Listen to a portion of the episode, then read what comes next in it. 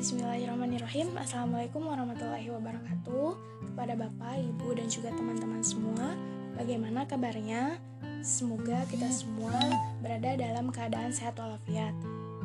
Dan semoga kita semua selalu diberikan kemudahan beserta kelancaran Untuk menjalankan ibadah puasa di bulan suci Ramadan ini Bagi yang menjalankan. Serta semoga kita semua dapat terhindar dari berbagai macam mara bahaya yang mungkin dapat kita tahu bersama pada saat ini bumi kita terutama di negara kita yaitu di negara Indonesia sedang terjangkitnya wabah penyakit uh, semoga kita semua dapat terhindar dan semoga wabah penyakit ini cepat terselesaikan agar kita semua dapat bertemu kembali layaknya seperti kuliah biasanya yaitu di Universitas Pendidikan Indonesia.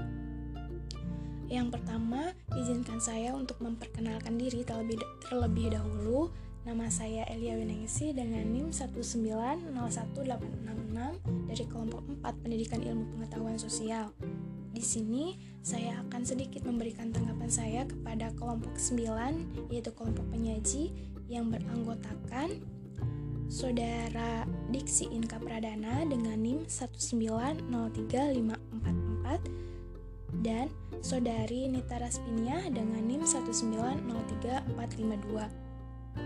Nah, mungkin tanggapan yang pertama yaitu saya mengapresiasi kepada kelompok 9 ini kepada kelompok penyaji karena secara umum e, penyampaian materi dan juga penyajian materinya itu sudah cukup baik mulai dari podcast yang sudah saya dengarkan e, kelompok 9 ini sudah sudah cukup baik untuk menjelaskan materi yang disampaikannya. Akan tetapi mungkin uh, di akhir saya akan bertanya satu pertanyaan kepada kelompok 9 ini. Kemudian dari Salindia atau PowerPoint itu sudah sudah terlihat bagus dan menarik. Dan kita juga uh, dapat melihat inti-inti dari materi yang disampaikan oleh kelompok 9 ini. Kemudian dari makalahnya sudah cukup baik karena sesuai dengan uh, ketentuan yang ada. nah, kemudian kelompok 9 ini membahas mengenai mengatasi masalah masalah marginalisasi dengan menata kembali program studi sosial dasar. Nah, tadi dijelaskan oleh penyaji, oleh salah satu penyaji, oleh penyaji dari kelompok 9 ini bahwa perbedaan dari studi sosial dasar dengan ilmu sosial dasar. Nah, kemudian e, kursus berba berbasis sekolah, kemudian metode literasi dan lain sebagainya.